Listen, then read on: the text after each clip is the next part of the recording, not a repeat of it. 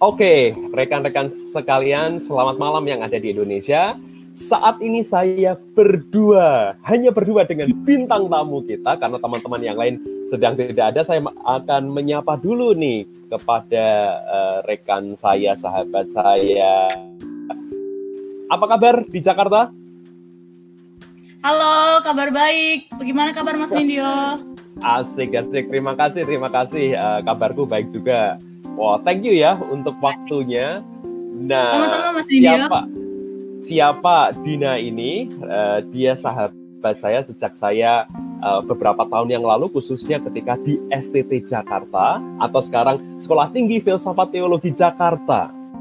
Dan sekarang uh, rekan saya Dina ini mengajar ya Dina ya di STT Jakarta dan uh, setelah menyelesaikan studi di STT Jakarta, Dina ini melanjutkan lagi ke Irlandia, ke University of Limerick, khusus untuk um, apa ini bidang apa istilahnya choir uh, musical apalah ya nanti nanti Dina perkenalkan. Tetapi yang menarik, kenapa kita minta supaya Dina sharing di sini yaitu berkenaan dengan riset Dina uh, yang memfokuskan diri pada uh, pribadi dan karya dari Hildegard dari Bingen. Wah, ini menarik sekali. Ya, yang lalu kita membahas Johannes Calvin, Luther, Julian Julian of Norwich dan sekarang ini Hildegard of Bingen. Ini ceritanya ini makin mundur ini dari reformasi ya kan yang lebih terkini terus kemudian uh, sekarang ini Hildegard Bingen. Dia adalah seorang tokoh gereja, seorang uh, pemikir, seorang mistikus yang hidupnya itu di akhir abad ke-11 ya. Betul ya Dina ya? Dan ya. memulai uh, masuk ke 12, betul sekali. Nah, yang menarik buat saya juga, uh, Hildegard itu orangnya sangat jenius, luar biasa jeniusnya. Dan pada tahun 2012, hmm. Hildegard dari Bingen ini diangkat sebagai salah satu uh, di gereja Katolik yang disebut sebagai Doctor of the Church. Di gereja Katolik hanya ada empat uh, Doctors of the Church yang perempuan. Selain uh, Hildegard, sudah ada Teresa dari Lisieux, Teresa dari Avila, kemudian satu lagi kok saya tiba-tiba lupa ya. Uh, ya, nanti aja Pokoknya sekarang kita mau fokuskan pada Hildegard dari Bingen. Nah, pertanyaan pertama ini langsung saja kepada Dina ini. Uh, Dina. Iya. Oh, satu satu satu info yang saya lupa kalau teman-teman lihat cover dari uh, siaran kita ini, maka teman-teman akan melihat ada sebuah gereja di uh, backgroundnya Dina ini. Nah, itu adalah gereja Hildegard ya gereja dari Santo, Santa Hildegard ini. Jadi pembicara kita, narasumber kita itu sudah sampai di sana, saudara-saudara. Ini bukan teori berarti. Jadi berbahagialah rekan-rekan yang menyimak, yang memikir ya apa, yang bersama-sama dengan kita untuk menyaksikan podcast atau siaran ini. Jadi ini adalah ahlinya. Baik, Dina, read it up gitu kan. Sekarang pertanyaan yang pertama adalah mengapa tertarik dengan Hildegard dari Bingen. Silakan Dina. Ya, uh, ini ceritanya cukup panjang, tapi intinya waktu saya mau daftar studi di Irlandia, jadi saya itu programnya Ritual Chan, and Song, jadi nyanyian-nyanyian yang khusus untuk uh, liturgi atau ritual, yang ritual uh, agama. Nah, kali ini uh, yang kami fokuskan adalah eh, yang saya fokuskan adalah tentang Hildegard. Uh, pada masa abad 11-12 dia menjadi orang yang sangat berpengaruh uh, dan kita bisa menyebut dia komposer walau memang uh, disebut komposer karena dia yang ter apa ya uh, terlihat terdata bahwa dia seorang komposer. Padahal kita nggak tahu juga, mungkin ada juga mistikus atau tokoh-tokoh pada abad 11-12 11-12 perempuan yang juga uh, menciptakan nyanyian-nyanyian, tapi Hildegard ini yang terekam di dalam sejarah begitu. Nah, uh, sebenarnya saya awalnya suka membahas ini karena waktu itu saya mau masuk studi uh, di Irlandia, lalu pembimbing saya di S1 Ibu Esther Pujo, uh, Ibu Esther Pujo Widiasi yang menyebut uh, nama itu, saya sempat mendengar nama itu tapi tidak mendalami dia. Lalu uh, Ibu Esther mengatakan bahwa lagu dia susah. Jadi saya penasaran hmm. apa yang membuat lagunya susah begitu. Lalu saya lihat karya-karyanya, saya baca apa yang uh, tentang dia. Kemudian saya melihat apa perbedaan dia karyanya dengan yang lain. Ternyata memang ada yang unik dan nanti akan saya jelaskan apa sih yang membuat lagu Hildegard itu unik. Lalu teologi apa yang dikembangkan oleh Hildegard? Itu yang membuat saya akhirnya memutuskan uh, saya ngomong ke supervisor saya di Limerick kalau saya mau membahas tentang ini lalu dimungkinkan dan saya juga karena memang ini fakultas seni juga jadi ada performance tapi ada tesis juga. Jadi karena saya butuh juga mendalami tentang Hildegard saat saya menyanyikan Hildegard, lagu-lagu Hildegard. Jadi sebelum saya uh, um, menyanyikan itu, saya mesti tahu dulu sebenarnya isi lagu Hildegard itu dan uh, spiritualitas yang dibangun oleh Hildegard melalui nyanyi itu seperti apa sehingga saya bisa merepresentasikannya dalam performance saya itu uh, ceritanya dulu lalu ya semakin berkembang saya semakin penasaran melihat Hildegard bahwa ini perempuan unik sekali dan luar biasa hmm. gitu mm -hmm, mm -hmm. Mm-hmm. Iya, yang saya yang saya tahu bahwa Hildegard itu bukan hanya mistikus, dia nggak hanya uh, tinggal di konven begitu ya, tetapi dia itu luar biasa jeniusnya, dia seorang uh, teolog, pemikir, dan juga dia seorang yang belajar uh, itu kedokteran gitu kan, ilmu-ilmu kedokteran pada waktu yeah. itu. Um, tulisannya luar biasa, banyaknya juga dia uh, astronom uh, di zamannya mungkin ya kalau ya, disebut seperti itu. Jadi ini orang yang luar biasa, seorang perempuan yang memang berkarya uh, di zaman di mana orang-orang perempuan itu masih sukar untuk berkarya. Nah, Tuh. itu yang yang yang yang yang menarik. Nah, masuk ke pertanyaan yang kedua ini Dina. Setelah tadi memang Dina mendapatkan uh, nama Hildegard itu dari pembimbing Dina pada waktu S1. Nah, lalu yang kedua ini bicara mengenai pemikiran Hildegard karena uh, tadi juga Anda sebutkan bahwa ini nggak cuma perform, tetapi juga harus menghayati um, karya-karya Hildegard dari isinya, teologinya. Nah, apa yang unik yang uh, Dina temukan dalam riset Dina mungkin lebih ke fokus riset Dina ini tentang apa sih begitu dan apa yang unik pada Hildegard? Silakan. Ya, jadi um, karena tentang Hildegard itu luas sekali, jadi saya membuat hal yang lebih spesifik. Itu tentang bagaimana Hildegard dalam nyanyiannya bisa memperlihatkan kepada kita tentang Trinitas. Lalu bagaimana kaitannya dengan pemilihan kata Hildegard dengan melodi yang dia pilih. Nah, pada abad uh, 11-12 kan memang lagunya itu cukup complicated melodi ya. Tapi uh, ada yang membedakan dari Hildegard adalah karena dia pemilihan kata Hildegard. Dia itu seorang uh, yang punya bahasa puitis yang luar biasa. Dia menggunakan uh, poetik ya jadi uh, jadi bahasa bahasanya itu nanti mungkin akan kita tampilkan teksnya yang memperlihatkan bahwa uh, dia imajinasinya itu luar biasa. Dan ketika dia ingin menyampaikan sesuatu tentang uh, misalnya Trinitas dia mau membicarakan tentang Allah uh, as a Father dia akan membuat melodi yang uh, bisa merepresentasikan itu. Tapi ketika dia mau berbicara tentang uh, uh, Yesus Kristus dia akan membuat melodi yang berbeda lagi. Jadi uh, yang saya tekankan ada tentang bagaimana dia dengan teologinya, terus khususnya tentang Trinitas, diaplikasikan di dalam nyanyiannya, dan uh, itu yang membuat khas. Pada abad-abad yang 11-12 kan bahasanya memang ya tidak sampai seperti Hildegard ya.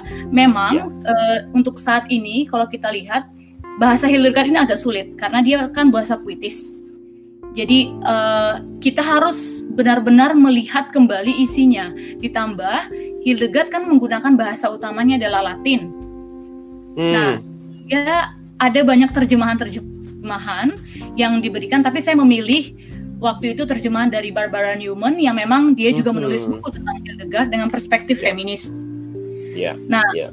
Yeah. Hildegard uh, di sini saya menyinggung dalam tulisan saya juga dari perspektif feminis. Jadi bagaimana seorang perempuan, seorang Hildegard menggunakan pengalamannya sebagai perempuan uh, dalam menciptakan suatu nyanyian. Dan ini yang nanti akan kita lihat relevansinya. Ini khususnya dalam tesis saya, saya menyinggung tentang bagaimana relevansi pemikiran Hildegard dalam nyanyian ini bisa menolong para komposer khususnya perempuan untuk menciptakan lagu yang dekat dengan uh, realitas mereka, yang dekat dengan pengalaman sehari-hari mereka, gitu. Oh, menarik, menarik sekali. Um, disebutkan tadi bahwa Hildegard itu um, puitis dan dia diksinya, pemilihan katanya itu sangat-sangat cermat. Nah, Betul. lalu juga disebutkan bahwa um, Hildegard itu menulis dalam uh, Latin dan dan Latinnya dedicated yang memang kalau boleh dilihat di sini um, apa jarang sekali ya Dina ya waktu itu perempuan bisa menguasai Latin yang sedemikian uh, complicated dan dan, dan spesifik tadi. Bahkan Dina juga mengatakan sampai untuk menerjemahkan Hildegard aja pilihannya kepada Barbara Newman karena ini nggak sembarangan begitu ya kan? Iya betul betul. Dan Barbara Newman yang sekarang ini uh, mengajar uh, mungkin sudah pensiun beberapa tahun yang lalu, dua tahun yang lalu atau setahun yang lalu kalau nggak salah dari Northwestern University, um, memang mm -hmm. adalah seorang otoritas uh, pemikiran dan karya-karya Hildegard uh, dari Bingen. Yeah. Nah menarik. Nah sekarang pertanyaan selanjutnya, Din, ketika Dina melihat Trinitas ini sebelum nanti masuk kepada pengalaman perempuan, mm-hmm. apakah ada keunikan yang Dina temukan yang menjadi surprise buat Dina ketika meneliti mengenai kan berbeda dengan pemikir-pemikir yang lain. Dan ini juga sangat menarik nanti untuk mungkin Trinitarian thinkingnya Hildegard mau membandingkan dengan siapa. Mungkin Dina bisa memberikan pencerahan di sini. Ya, ya uh, kalau bicara tentang Trinitas dari pemikiran Hildegard itu sendiri, sebenarnya dia hampir sama ya uh, dengan pemikiran-pemikiran yang lain Contohnya tentang uh, Allah itu tidak uh, dalam tiga pribadi, tapi tidak tidak terpisahkan. Jadi uh, teologi yang dikembangkan Hildegard sebenarnya itu, tapi dia membahasakannya itu dengan uh, berbagai macam. Bahkan dia menggunakan metafora yang berbeda-beda.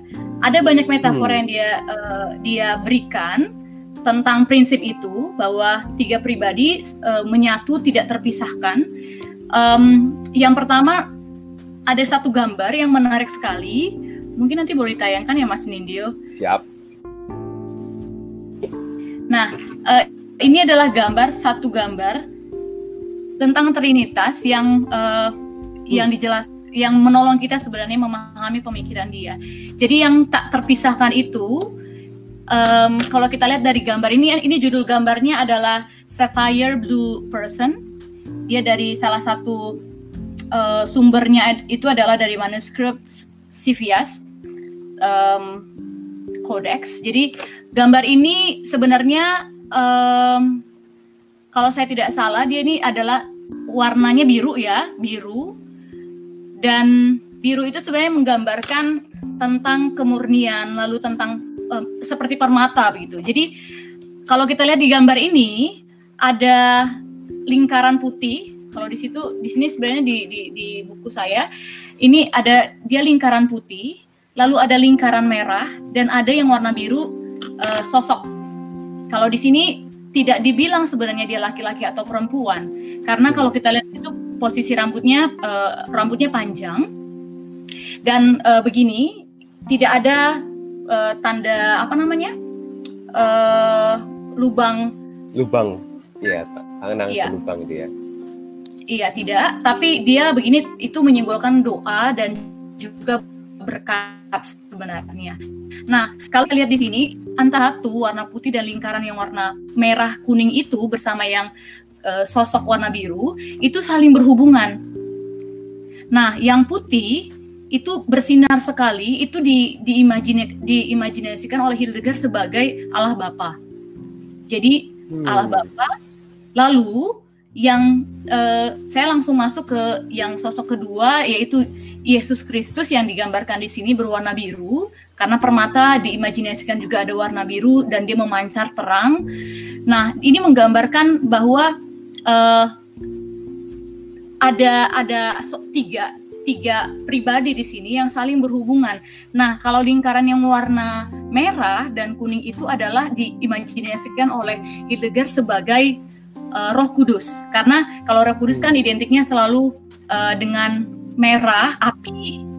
Ya. Nah, Hildegard meng meng mengadopsi itu gitu. Jadi di dalam kalau kita lihat uh, Hildegard mengatakan mengimajinasikan bahwa yang berwarna lingkaran berwarna kuning dan merah itu menghubungkan uh, si sosok Yesus ini dengan Allah Bapa.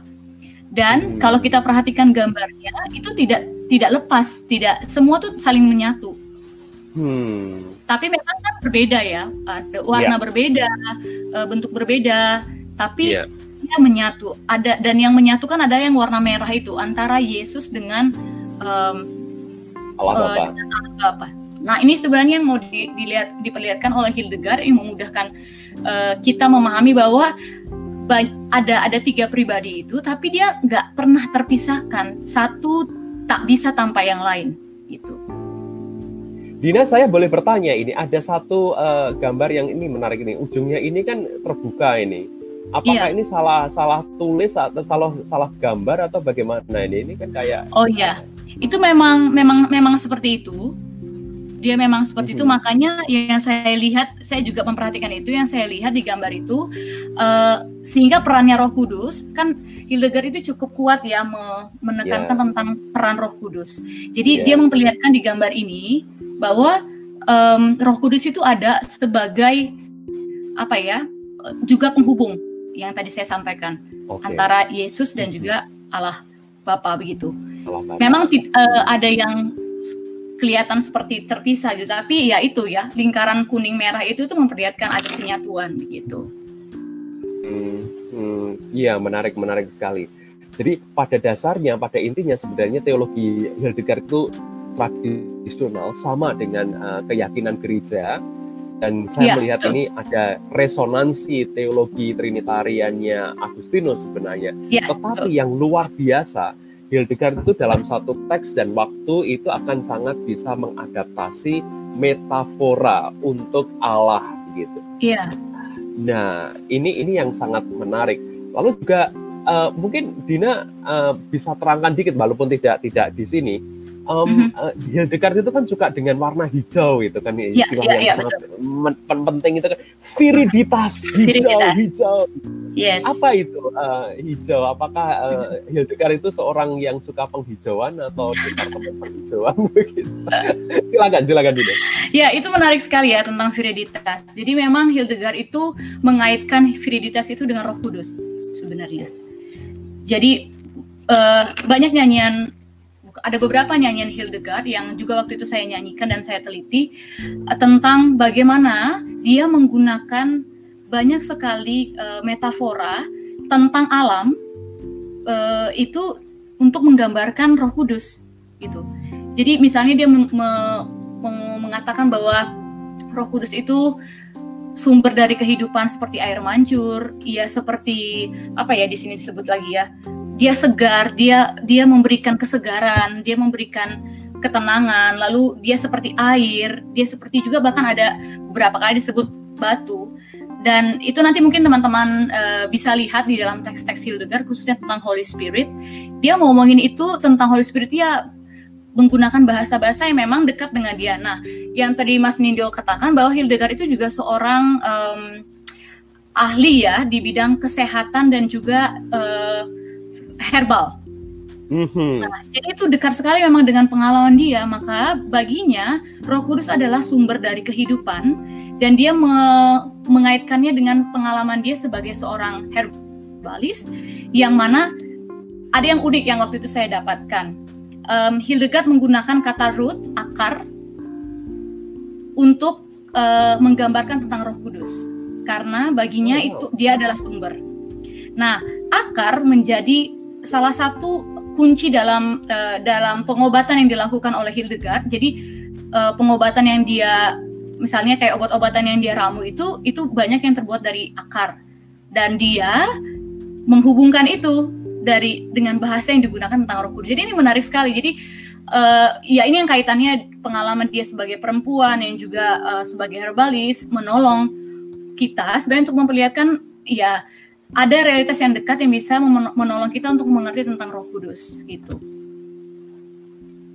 Kalau begitu kita bisa melihat uh, betapa jenius dan luar biasanya ini Hildegard. Yang pertama dia menguasai Latin, dia paham uh, teologi-teologi gereja, lalu juga dia seorang pelihat ini ya, dunia. Ya, dia betul. seorang yang yang sejak usia mudanya 8 tahun kalau nggak salah dia sudah sudah uh, atau tiga tahun nggak tahu Li, saya lupa. Dia dari lima lima tahun dia sudah bisa, tapi tidak disampaikan. Iya dia Iya, tidak tidak iya, dia sudah bisa, bisa melihat itu ya, penglihatan penglihatan itu sudah ya. disampaikan itu.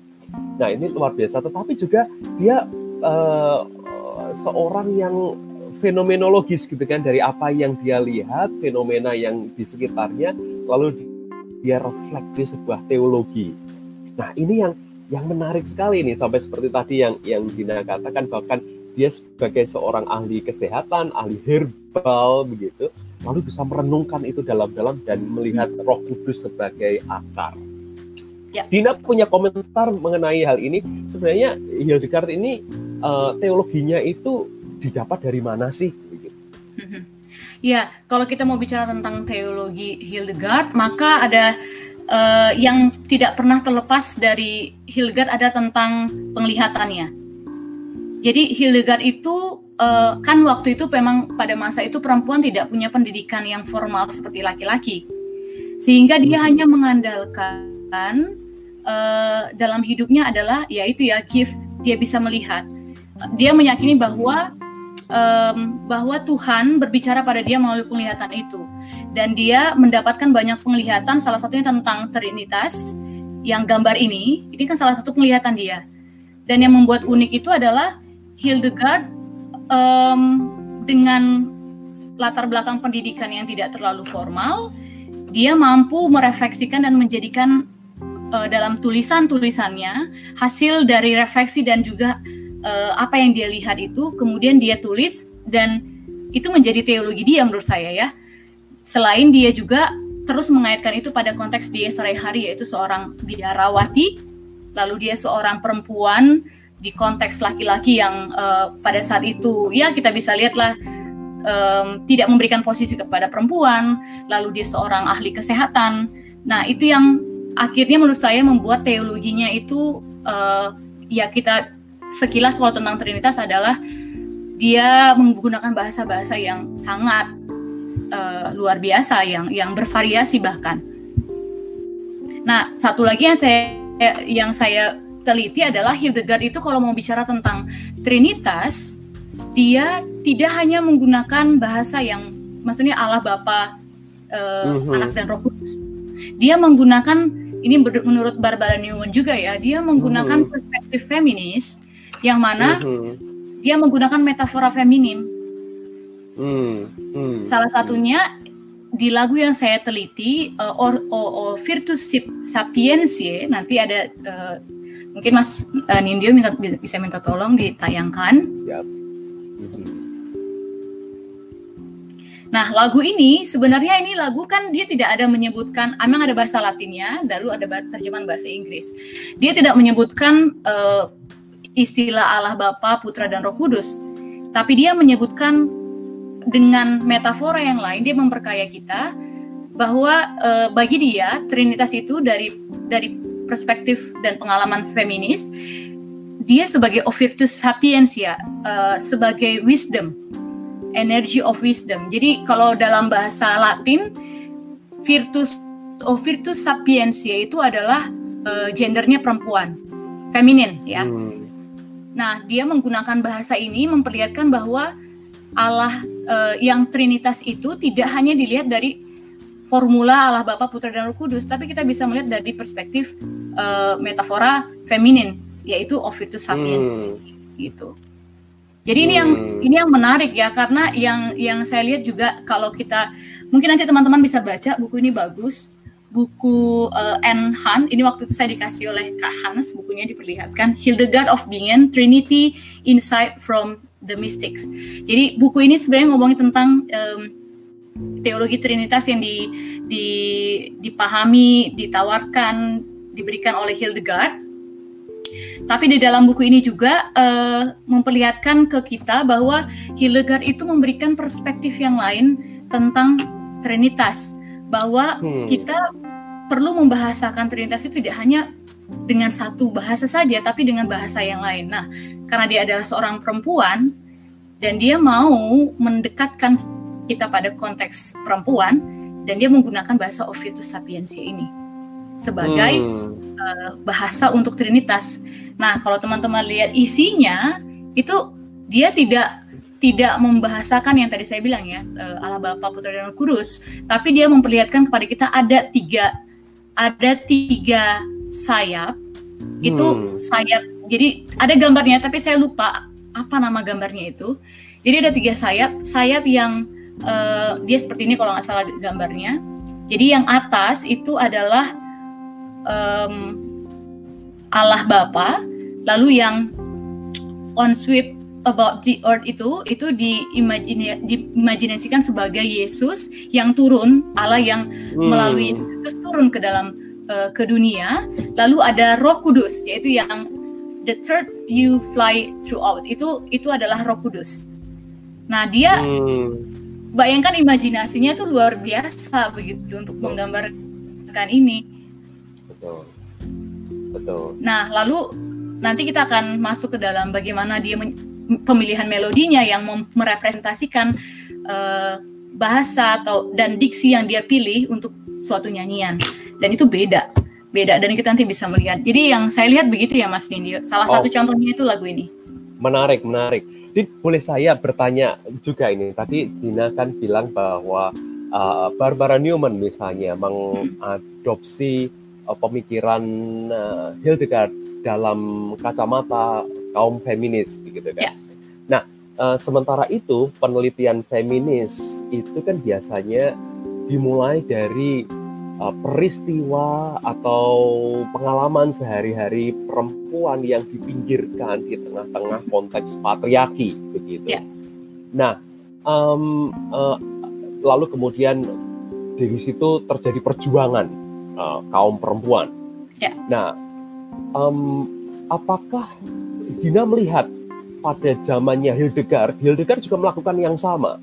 karena kan dia sebagai seorang biarawan eh biarawati dan dia seorang benediktin kalau nggak salah itu kan ya, dia betul, harus betul. menundukkan kepada superiornya gitu kan kepada ya. imam dan dan selama hidupnya dia tidak pernah tanda kutip protes atau mengajukan persamaan hak begitu sebagai seorang perempuan menurut dia bagaimana ini di sini Ya, ini menarik ya Mas Nindyo kalau soal yes. bicara tentang uh, masanya Hildegard bahwa sebenarnya Hildegard ini termasuk perempuan yang berani menurut saya.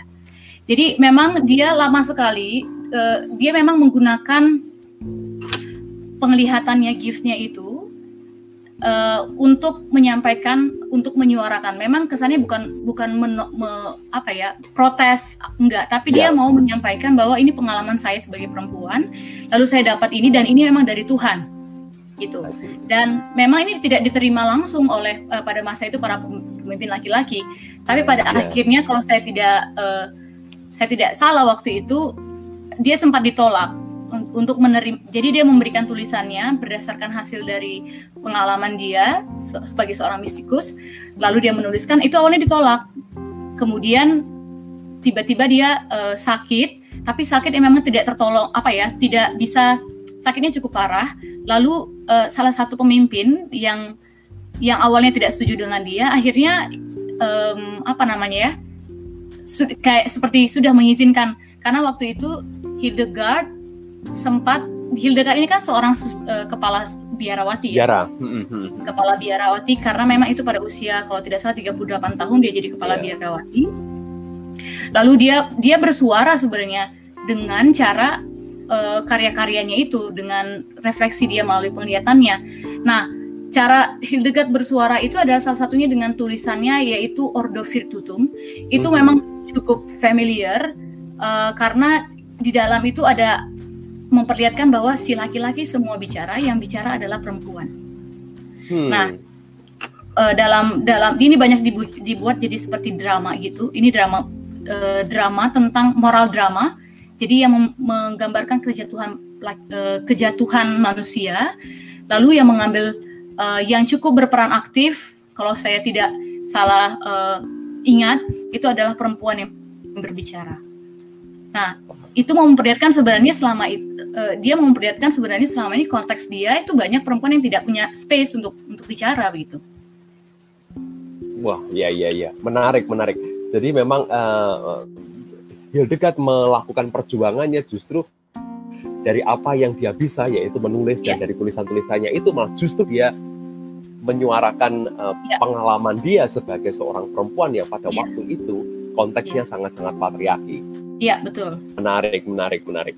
Um, lalu Dina tadi juga mengatakan um, pemilihan nadanya itu uh, Hildegard juga sangat cermat. Nah mungkin bisa ya. diterangkan yeah. ini bagaimana Dina? Oke. Okay. Ya, jadi uh, bagi Hildegard ketika memang dalam kita bermusik ya, bermusik itu selalu harus berkaitan yang namanya nada, lalu yang namanya uh, apa namanya teks itu harus teks harus harus sesuai dengan melodi, melodi begitu juga sebaliknya gitu. Melodi mestinya bisa merepresentasikan teks. Nah, Hildegard memegang itu. Kalau kita lihat teks lagu ini, Hildegard itu banyak dia menggunakan kata o di awal. Oh, dia menggunakan kata o itu membuka uh, sebagai melodi yang mau menekankan teks sesudahnya. Kata o ada o virtus sapientiae itu kan tentang o, uh, wisdom's energy. Jadi dia dengan melodi dia mau menekankan uh, kata itu. Nah, o virtus sapientiae ini kan pembuka. Dia menggunakan melodi yang cukup complicated. Tapi sebenarnya megah Nah, pada masa Hildegard itu memang lagu-lagu yang banyak sekali kalau kita bilang itu bahasanya melisma, melismatic uh, style. Jadi banyak sekali bunga-bunganya kalau bahasa sederhananya. Itu yeah, memang yeah. pada abad-abad dulu memang uh, 11 12 ada. Nah, Hildegard menggunakan itu. Misalnya ya, saya saya nyanyikan pada bagian depan ini. Oh, oh, oh, oh sapientia.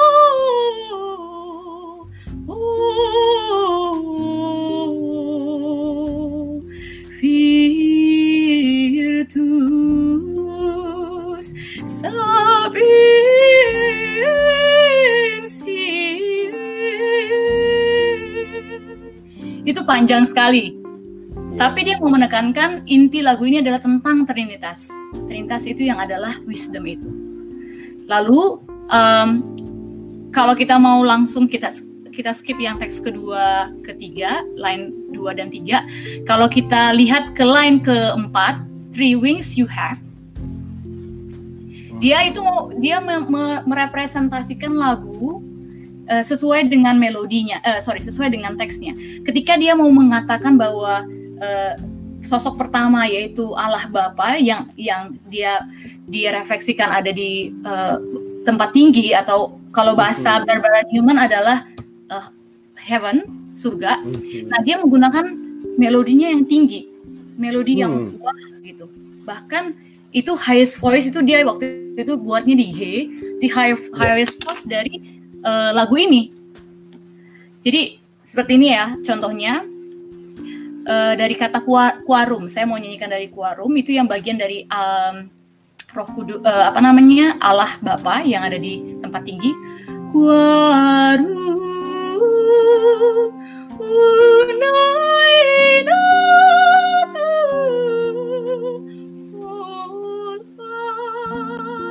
Altum itu kan ini kalau dalam bahasa Inggrisnya uh, tempat tinggi, uh, mm-hmm. atau uh, heaven kalau kalau Barbara Newman uh, terjemahkan begitu.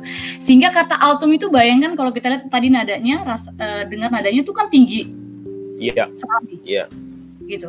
Oh. Nah, ketika dia mau menjelaskan tentang sosok yang kedua yang adalah Yesus Kristus yang dia refleksikan um, hadir datang ke dunia earth dia menggunakan nada yang langsung da, uh, apa ya, lower voice gitu lower. jadi misalnya uh, eh, bayangkan tadi nada kita tinggi terus dia berubah hmm. dengan et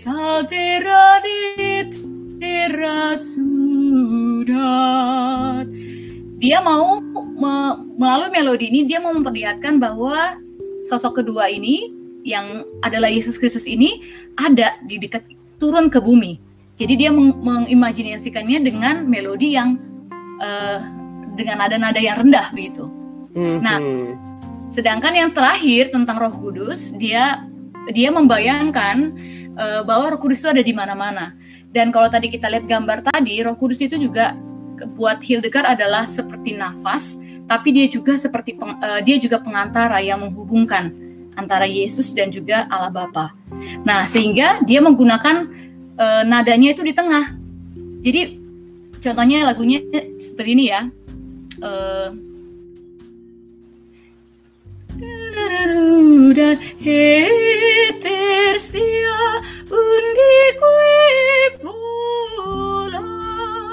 itu nadanya di tengah. Jadi mm-hmm. kalian ini beda ya Mas Nindyo. Uh, dia memperlihatkan uh, teologinya pemahaman dia tentang Trinitas melalui nyanyian yang uh, nada-nada yang dia pilih. Dan itu itu ini menarik sekali begitu. Of course. Iya iya. Jadi pemilihan kata katanya juga biasa dan banget banget gitu ya. Dia pikirkan secara serius ini. Nah. Iya. Betul. Ya, ha, ini menarik menarik sekali. Nah, uh, apakah ada komentar uh, tentang teologi atau tentang uh, apa lagu ini, Dina, yang lebih lagi sebelum kita nanti masuk ke bagian yang ketiga? Oke, okay. uh, buat saya lagu ini kenapa saya pilih waktu itu karena menurut saya ini juga uh, memberikan saya perspektif yang baru ya tentang ketika hmm. saya nantinya mau membuat lagu, saya bis, bisa menggunakan bahasa-bahasa yang ternyata bisa juga uh, tidak harus menggunakan formula yang biasa tapi bisa menggunakan bahasa yang lain gitu. Yang khususnya kalau di sini yang menurut saya yang saya lihat adalah dari uh, bahasa yang feminin begitu. Walaupun uh, tidak terlihat sekali tapi kan kalau ditinjau ditinjau ditinjau contohnya wisdom's energy itu kan itu yang tadi saya bilang ya.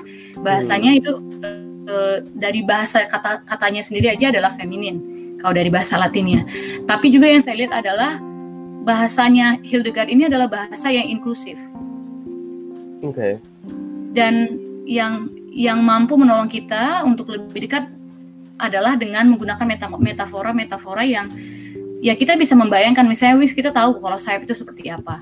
Lalu imajinasinya luar biasa namun menolong kita untuk mengerti sebenarnya tentang uh, Trinitas melalui lagu ini walaupun tidak sepenuhnya ya gitu.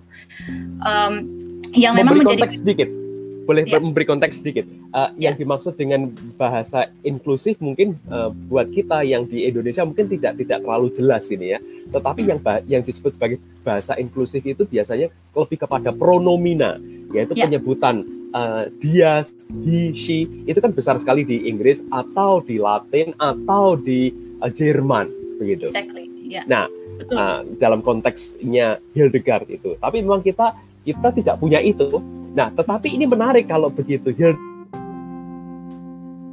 memilih isti inklusif yang gender uh, neutral uh, untuk menyebut Allah, gitu ya?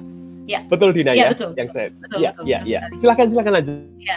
Dan ini dan ini menarik sekali Mas Nindyo. Ini ya. sebagai buat saya ini menginspirasi saya ketika saya uh, bisa melihat ada dimensi lain dari kita memahami Allah itu sendiri gitu dan uh, Hildegard dengan pengalaman dia dan ini kan dia melihat ini kan ada ada gambarnya juga ini kan berdasarkan juga penglihatan dia yeah. dan ini dari pengalaman perempuan. Nah itu yang uh, saya membuat oke okay, saya harus menyanyikan lagu ini dan saya harus merefleksikan lagu ini dengan baik dan ini juga jadi inspirasi buat saya gitu. Ketika membuat nyanyian begitu. Aha aha menarik sekali. Rekan-rekan ini sudah bisa mendapatkan uh, mutiara di sini ya, mutiara spiritual ketika mencipta lagu, ketika menulis syair atau juga mempersiapkan ibadah, mempersiapkan khotbah mungkin ya, juga bisa-bisa hal-hal ini dipikirkan ulang. Nah, Dina kalau begitu uh, kita masuk kepada bagian yang ketiga yaitu uh, kira-kira apa ini relevansinya, apa pentingnya untuk belajar Hildegard pada masa sekarang ini Lalu kalau juga teman-teman mau menyelidiki lebih lanjut tentang Hildegard, topik-topik apa ini yang kira-kira bisa dikembangkan untuk kemudian bisa nanti memicu dan memacu penelitian-penelitian seperti yang Dina lakukan? Ya, uh, kalau relevansi memang dalam penelitian saya, yang saya lihat memang karena saya waktu itu fokusnya adalah ke pengalaman tentang perempuan, lalu saya memperhatikan tidak banyak komposer perempuan di Indonesia yang menghasilkan karya-karya memang dari pengalamannya. Nah, waktu itu dalam penelitian saya adalah eh, bahasa-bahasa uh, yang digunakan untuk nyanyian-nyanyian dalam ibadah misalnya itu uh, di S1 saya juga meneliti itu bahwa bahasanya ya ada beberapa nyanyian yang sangat maskulin. Lalu menggunakan bahasa yang uh, menurut saya uh, kita perlu perlu lihat kembali, kita perlu menganalisa kembali, mengkritik bahkan bahasa itu uh, Hildegard di sini seperti yang dia yang um, Anne Hood sampaikan bahwa dia itu tidak mau membuat posisi itu seperti jadi ini nih. Misalnya karena ini dilihat posisi apa namanya tak terlalu maskulin, lalu mm -hmm. dia nggak mau membuat jadi seperti ini. Hildegard itu dia mau membuat seperti ini. Hmm. Dengan bahasa-bahasa yang makanya dia lebih banyak menggunakan tentang Eh, bahasa-bahasa alam karena memang teologi yang ditanam yang dipahami oleh Hildegard adalah tentang penciptaan, tentang penebusan dan tentang uh, keselamatan. Nah, penciptaan memang tidak pernah lepas dari karya-karya dia karena karena itu dia sangat dekat sekali dengan yang namanya alam, uh, uh, apa namanya hal-hal yang bersifat natural begitu. Nah, uh, implikasinya memang karena saya melihat pengalaman perempuan yang tidak tidak sering disampaikan dalam nyanyian, maka saya lihat Hildegard ini sebagai salah satu uh, sosok yang bisa menolong kita untuk bahkan memotivasi kalau untuk saya untuk menciptakan karya-karya yang memang uh, berdasarkan dari pengalaman dia, pengalaman kita, pengalaman sehari-hari kita. Dan untuk khususnya para ini juga mendorong para musisi khususnya perempuan untuk ayo kita menciptakan bahasa uh, nyanyian-nyanyian dengan menggunakan bahasa yang memang um, bahasa dari bahasa sehari-hari kita tentang pengalaman kita kepada Tuhan gitu. Sehingga bahasa nanti, akhirnya nanti nyanyian kita akan menjadi beragam begitu. Ini yang saya dapatkan dan memang um, Hildegard menolong kalau saya menolong saya untuk memperlihatkan nyanyian itu teologinya mesti jelas di mhm. dalamnya.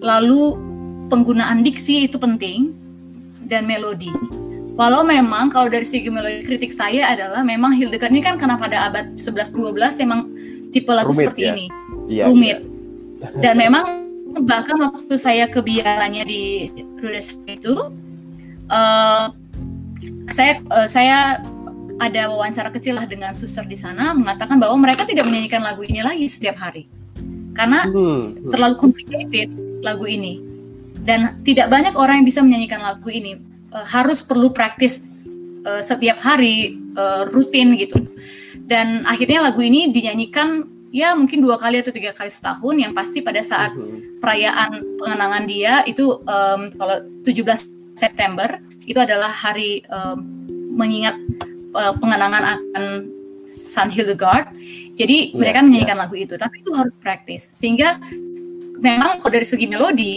untuk nyanyian jemaat di gereja saat ini terutama di Indonesia itu terlalu sulit. Tapi yang saya tarik di sini adalah tentang bahasa dan teologi yang dikembangkannya melalui nyanyian.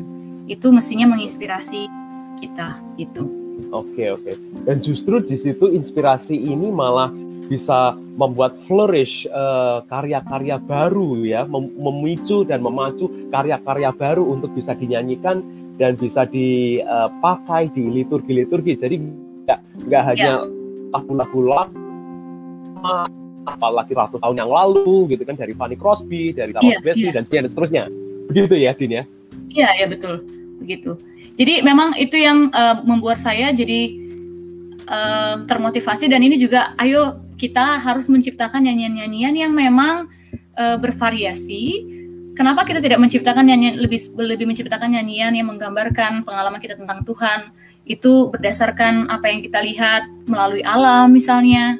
Walaupun sudah cukup banyak tapi uh, kita bisa menggunakan variasi-variasi yang lain. Sehingga kan kalau kita lihat ya dari nyanyian jemaat itu kan sebenarnya adalah nyanyian yang bisa melalui nyanyian jemaat umat itu belajar kan bahkan ah, umat ah. Uh, bisa mendapatkan uh, teologi yang yang bisa kita sampaikan lah melalui nyanyian. Dan okay. kalau nyanyian kita hanya model seperti itu, maka umat pun Betul. tidak belajar banyak gitu. Iya, iya. Iya, lebih kepada lebih, lebih relasi vertikal ya kan uh, uh, uh, itu yang Nah tadi tadi Dina Dina mengatakan um, Hildegard juga sangat dekat dengan alam isu-isu ekologis tadi. Kalau Dina sendiri menyelidiki uh, nyanyian-nyanyian yang sekarang ini ada di gereja-gereja khususnya, selain yang tadi lebih kepada vertikal begitu ya, kurang uh, aspek ekologis kira-kira dari Hildegard ini inspirasi apa selain juga um, memulai dari pengalaman ya inspirasi apa yang bisa didulang oleh gereja-gereja zaman sekarang Din untuk bisa menyemarakkan bisa membangkitkan uh, suasana ibadah kekayaan liturgi dan uh, lagu-lagu gereja.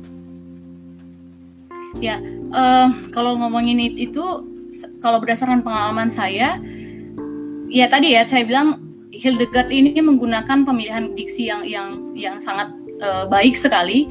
Dan ini menginspirasi bahwa uh, kita yang tadi saya sudah bilang ya Mas Dio bahwa kita uh-huh. harus belajar menciptakan karya-karya yang uh, bervariasi itu yang memang misalnya nih saya saya memahami uh, seperti Hildegard ya wisdom itu sebagai yang uh, Allah Trinitas itu. Lalu apakah selama ini kita pernah membuat nyanyian seperti yang menggambarkan tentang Trinitas tapi dengan bahasa yang uh, lain gitu. Dan ketika kalau saya ke kemarin teliti ini bahwa mm-hmm. dari pengalaman Hildegard dia menggunakan bahasa seperti itu, maka ini sebenarnya menolong saya bahwa Allah itu dekat dengan saya. Itu karena Uh, uh-uh. pengalaman pengalaman pengalaman tertuang dalam bahasa itu bisa memperlihatkan kepada kita bahwa Allah itu memang dekat. Nah, ini juga menurut saya ketika kita membuat ini dalam gereja uh, dan mm-hmm. ini bukan menurut saya bukan hanya soal nyanyian, tapi soal bahasa liturgi kita. Ketika kita mm-hmm. menggunakan banyak sekali bahasa-bahasa liturgi yang bervariasi, maka mm-hmm. itu mampu uh, lebih banyak merangkul orang gitu. Mm-hmm. Kalau misalnya kita hanya menggunakan satu istilah saja, maka ya mungkin hanya satu kelompok atau satu uh, pihak yang merasa uh, aduh sepertinya uh, Allah itu dekat pada saya tapi yang lain tidak merasa seperti itu. Karena menurut saya bahasa juga bisa menolong seseorang merasa lebih dekat kepada Tuhan begitu.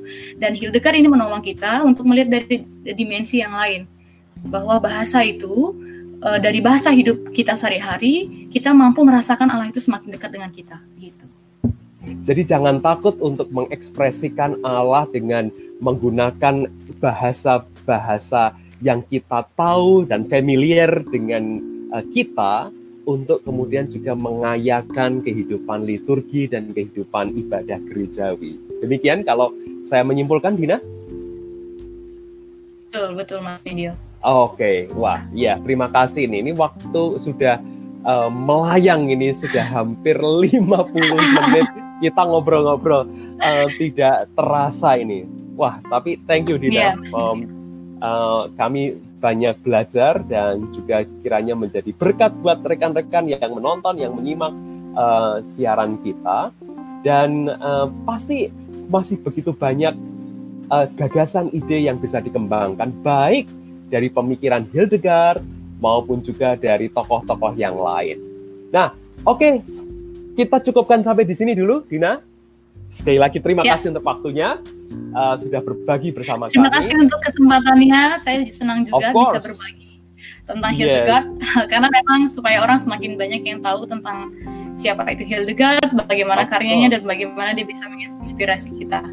Jadi kalau ada rekan-rekan yang ingin uh, mengetahui lebih lanjut mengenai Hildegard, uh, Dina bisa dikontak di STFT Jakarta. Ya dan dia selalu akan dengan senang hati untuk berbicara sharing mengenai Hildegard dari Bingen yeah. seorang pemikir yang jenius zamannya dan juga seorang yang merefleksikan mengkontemplasikan Allah dengan segala kekayaan metafora yang ia miliki.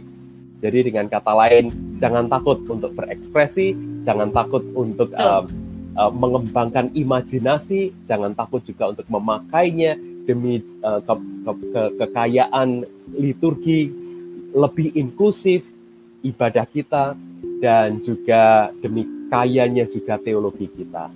Wow, terima kasih Dina. untuk waktu yang sudah diberikan ini. Oke. Okay. Thank you rekan-rekan semua. Kita cukupkan sampai di sini. Sampai besok kita akan uh, berbicara mengenai Efrem dari Syria. Ini mundur lagi ke zaman yang lebih awal. Maka simak besok.